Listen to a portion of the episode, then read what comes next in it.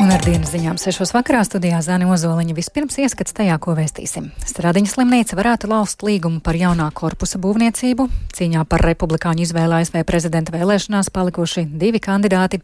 Un uz ceļiem un ielām ļoti spēcīgs apladojums aicina vecāka gadagājuma cilvēkus bez vajadzības nedoties laukā.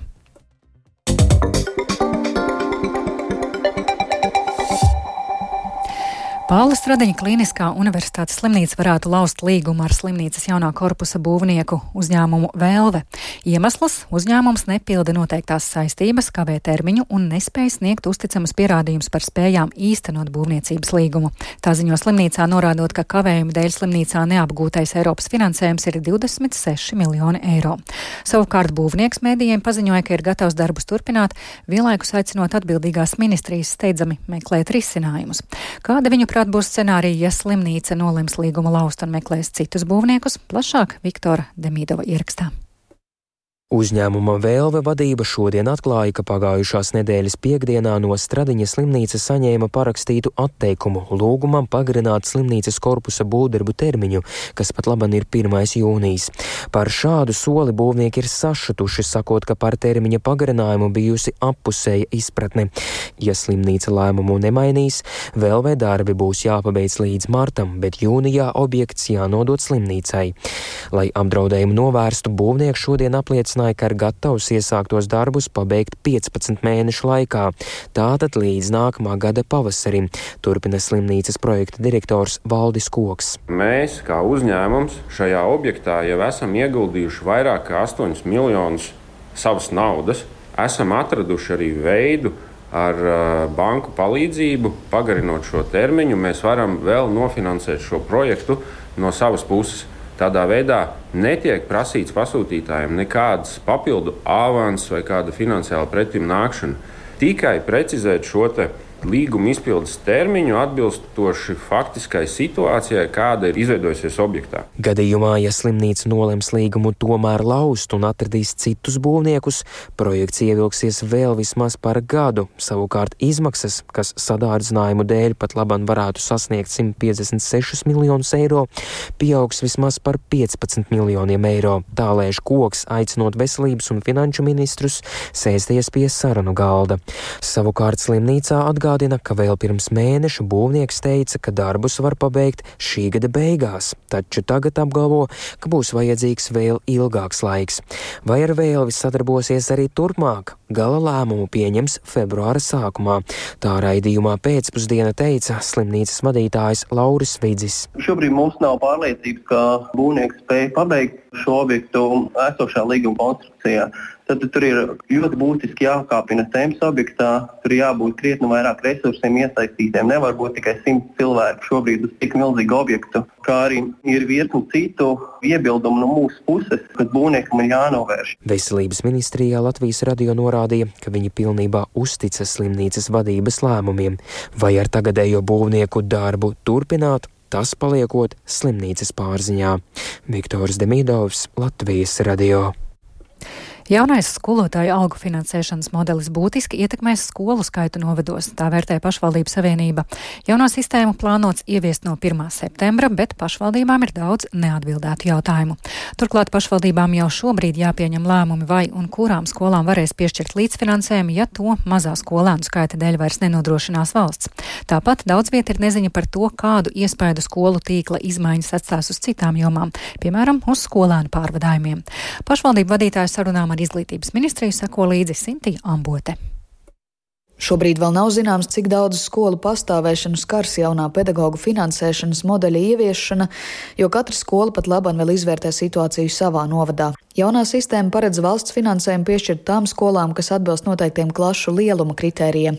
Ja skola neizpilda šīs prasības, tad pamatskolu līmenī valsts daļai dotēs skolotāju algas, un pašvaldībām būs jānodrošina arī savs līdzfinansējums, lai programmu turpinātu uzturēt.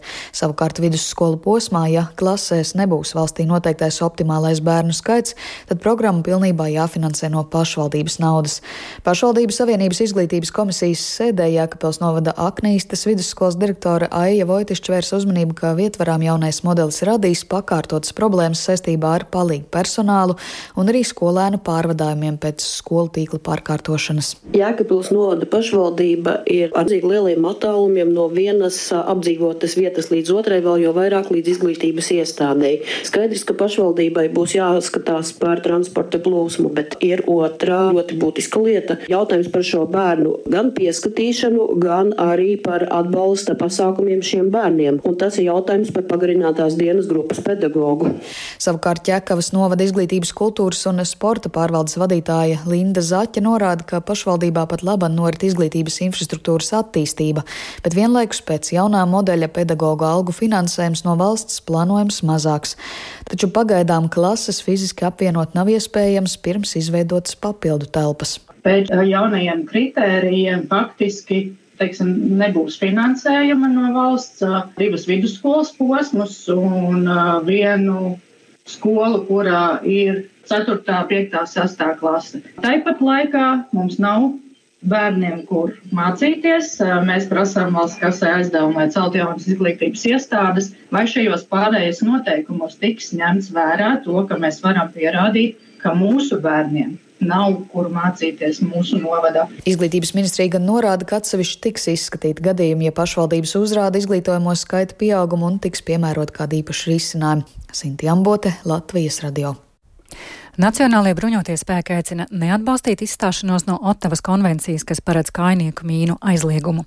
Bruņoto spēku komandieris ģenerālleitnants Leonīts Kalniņš uzsver, ka šķēršļu veidošanai un izbūvē valsts aizsardzībā ir ļoti svarīga loma, tomēr koncentrēšanās tikai uz kainieku mīnām, kā taktiskā panākuma galveno faktoru, ir vienkāršota pieeja izmantojot modernas ierīces, un absolūti nav nepieciešams balstīt tikai uz kainieku mīnu izmantošanu mūsu aizsardzības sistēmu, jo kainieku mīnas īstenībā ir maza sastāvdaļa šķēršļu izveidošanā. Un kainieku mīnas neatrisina visas problēmas, kas ir ļoti aktuālas ar taktisko uzdevumu izpildu. Piemēram, viņas nav pret eh, mekanizētajām vienībām. Kainieku mīnas ir jāuzrauga, un gal galā kainieku mīnas nu, nedrīkstam mēs atstāt uh, nepiekaskatītas tad, kad beidzās konflikts un civili iedzīvotāji un pat zvēri aizies bojā. Tas ieguvums no elementāro kainieku mīnu izmantošanu iegādi un uzglabāšana ir diezgan minimāls. Tā ir pašā laikā zaudējumi daudz eh, milzīgāki. Savukārt Saimas ārlietu komisijas priekšsēdētājs Rihards Kols no Nacionālās apvienības norāda uz nepieciešamību pēc plašākas diskusijas par izstāšanos no konvencijas, tostarp arī parlamentā kā apgalvo Kalniņa kungs, ka mūsu spējas ir pietiekamas, arī ir cita veida mīnas, modernas, ar kurām šādas funkcijas var īstenot, uh, neizstājoties no Otavas konvencijas. Jā, tā varētu būt uh, patiesība, bet uh, cik man ir zināms, lai mēs aprīkotu robežu ar šādām modernām mīnām, tas prasītu no valsts budžeta aptuveni 600 miljonus. Tās pašas kājnieku mīnas, tas ir lētākais variants. Otra lieta, kas arī mulsina, ir tāds diezgan skaļš apgalvojums, ka kājnieku mīnu izvietošanai nepieciešams nepieciešama 24 stundu apsardze. Ja arī izstājas no autos konvencijas, un mēs aizsardzības plānos paredzam, ka uh, var tikt izmantots kājnieku mīras, tas nenozīmē, ka mēs to praktiski darām nākamajā dienā pēc nedēļas. Tas ir vienkārši aizsardzības plānos, kā viena no papildus aizsardzības spējām. Tikmēr, kā Latvijas rādio sacīja aizsardzības ministrs Andris Sprūts no progresīvajiem, saka, šādam lēmumam var būt dažādas. Viņš norādīja, ka līdzīgas diskusijas notikušas arī citās kaimiņu valstīs, kas tāpat kā Latvija atrodas pietiekam tuvu agresoram, bet arī tur izlemts no Ottavas konvencijas neizstāties pēc tām konsultācijām, kas mums ir bijušas arī ar sabiedrotajiem, tad viens ir tas, ka mūsu pašu kaimiņi, kas šeit ir blakus, arī tur ir bijušas šādas sarunas, bet viņi arī nav nonākuši pie secinājuma, ka izstāšanos no Tautas konvencijas dotu taustāmu rezultātu un ka tur, zinām, veidā tomēr ir šie potenciālie izaicinājumi sekas, respektīvi to, ka šeit ir sabiedrotie, kuri neviens šādas mīnas neizmanto, kur noteikti līdzdarbojās arī apmācībās un, protams, ka mums ir kopīgi arī reģionālajā aizsardzības plāni, nu tad te būtu, zinām, veidā arī jautājums par to, vai mums tomēr nesnākt atšķirties arī mūsu pašas militārās taktikas, ka mēs izmanto tos resursus, ko citas valsts, piemēram, nemaz neizmanto. Mums noteikti šī sabiedroto pozīciju, motivācija arī ir un iespējas ir jāņem arī vērā, jo, protams, kad arī šeit bez šīs te militāra operacionālām aktivitātēm nu, ir arī šis te politiskais aspekts par to, ka Latvija izstājoties, nu, mēs būtu vismaz konkrētajā šajā brīdī vienīgā eh, NATO un Eiropas Savienības dalībvalsts, kas būtu ārpus šīs konvencijas. Esot blakus tādam kaimiņam kā agresoru valsts Krievija, ka mums ir gan mūsu bruņoto spēku, militārās jaudas, un vēlreiz atkārtošos, tas ir par 27 spējām dažādās jomās, un savukārt otra mūsu, teiksim, tā dzelzs un efektīvā dūra ir mūsu sabiedroto spēku klātbūtne. Tā kā no tā veidojās mūsu spēks un jauda, lai mēs skaidri pateiktu mūsu kaimiņam agresoru valstī, ka šeit šai robežai pāri nelīst. Paredzēts, ka par Nacionālo bruņoto spēku atzinumu par neizstāšanos no Ottavas konvencijas trešdien atbildīgajā saimas komisijā diskutēs deputātu un aizsardzības un ārlietu ministrijas pārstāvji.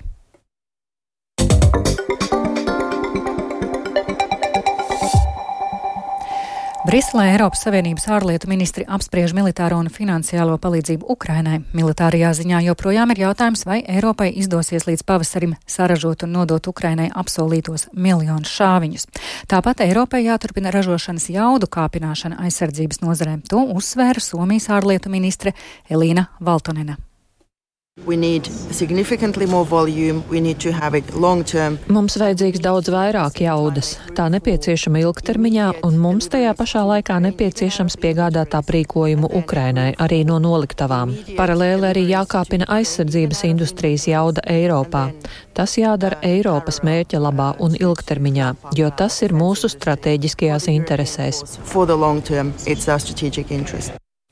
Floridas štata gubernators Rons Desantis ir izstājies no cīņas par Republikāņu partijas nomināciju novembrī gaidāmajās ASV prezidenta vēlēšanās. Desantis par to paziņoja īsi pirms rīt gaidāmajām Republikāņu priekšvēlēšanām Ņūhempšīras štatā. Viņa izstāšanās nozīmē to, ka cīņā par Republikāņu nomināciju palikuši tikai divi kandidāti - bijušais ASV prezidents Donalds Trumps un bijusī ASV vēstniece ANO Nikija Heilija. Turpina Desantis. It's clear to me that a majority of Republican primary voters want to give Donald Trump another chance. Man ir skaidrs, ka lielākā daļa republikāņu vēlētāju vēlas dot Donaldam Trumpam vēl vienu iespēju. Viņi vēro, kā Trumpa centieni atgriezties prezidenta amatā saskaras ar nerimstošu pretestību, un viņi redz, ka demokrāti saviem uzbrukumiem Trumpam izmanto likumu kā ieroci. Man ir bijušas domstarpības ar Donaldu Trumpu, piemēram, par koronavīrusa pandēmiju. Trumps ir pārāks par pašreizējo prezidentu Džo Baidenu. Tas ir skaidrs. Viņam ir mans atbalsts, jo mēs nevaram atgriezties pie vecās pagājušo gadu republikāņu gvardes, kuru pārstāv Nikija Heilija.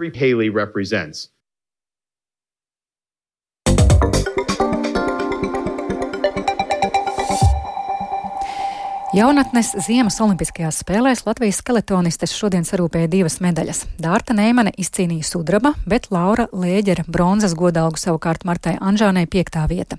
Neimane pēc pirmā brauciena bija līdere, bet otrais brauciens nepadevās tik sekmīgs. Sportiste sarunā ar Latvijas Olimpisko komiteju komentēja sacensības. Tiešām liels prieks par uh, sasniegto trasē un arī treniņos ārpus trases. Lielas paldies visiem treneriem un ģimenei par atbalstu. Protams, ir nedaudz žēl, ka tas otrais brauciens neizdevās, bet uh, tāpat liels prieks un uh, lepojos ar sevi, saviem komandas biedriem. Šoreiz trasē jutos daudz ērtāk nekā parasti un arī treniņu braucienos bija labi rezultāti. Monobobslajā meitenēm Amēlijai Kotānei neveiksmīgs otrais brauciens un ceturtā vieta, bet Kate Prudāna piektā. Sacensības šorīt sekmīgi turpināja U16 3x3 hokeja izlase, kas vispirms ar 28 pret 2 sagrāva Taivānu, bet vēlāk ar 9 pret 3 pieveikt arī Austrijas hokeisti un izskan dienas ziņas un brīdinām, ka šodien Rīgā un valsts austrumos uz ceļiem un ietvēm izveidojies stiprs apledojums.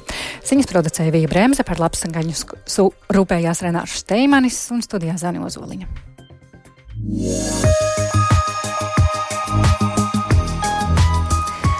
Rīgā šobrīd plus 1 dienvidu vējš 8 m2, brāzmās 12 m2, atmosfēras spiediens 754 mm, relatīvais gaisa mitrums 93%, bet vairāk par gaidāmo laiku stāsta Ilze Golubeva. Gan otrdien, gan trešdien debesis pārsvarā aizklās mākoņi, un tie daudz vietā atnesīs gan lietu, gan arī slapju sniegu. Visā valstī pūtīs brāzmains vējš, bet stiprākās brāzmas skars piekrastes reģionus, kur tās sasniegs pat 20 metrus sekundē. Gaisa temperatūra naktīs pazemināsies līdz 0,2 grādiem austrumos, citviet temperatūra būs 0,2 grādu robežās. Savukārt dienlaikā gaisa iesils līdz plus 1,5 grādiem. Līdzīgi laikapstākļi saglabāsies arī ceturtdien, bet jau piekdien atkal kļūs vēsāks.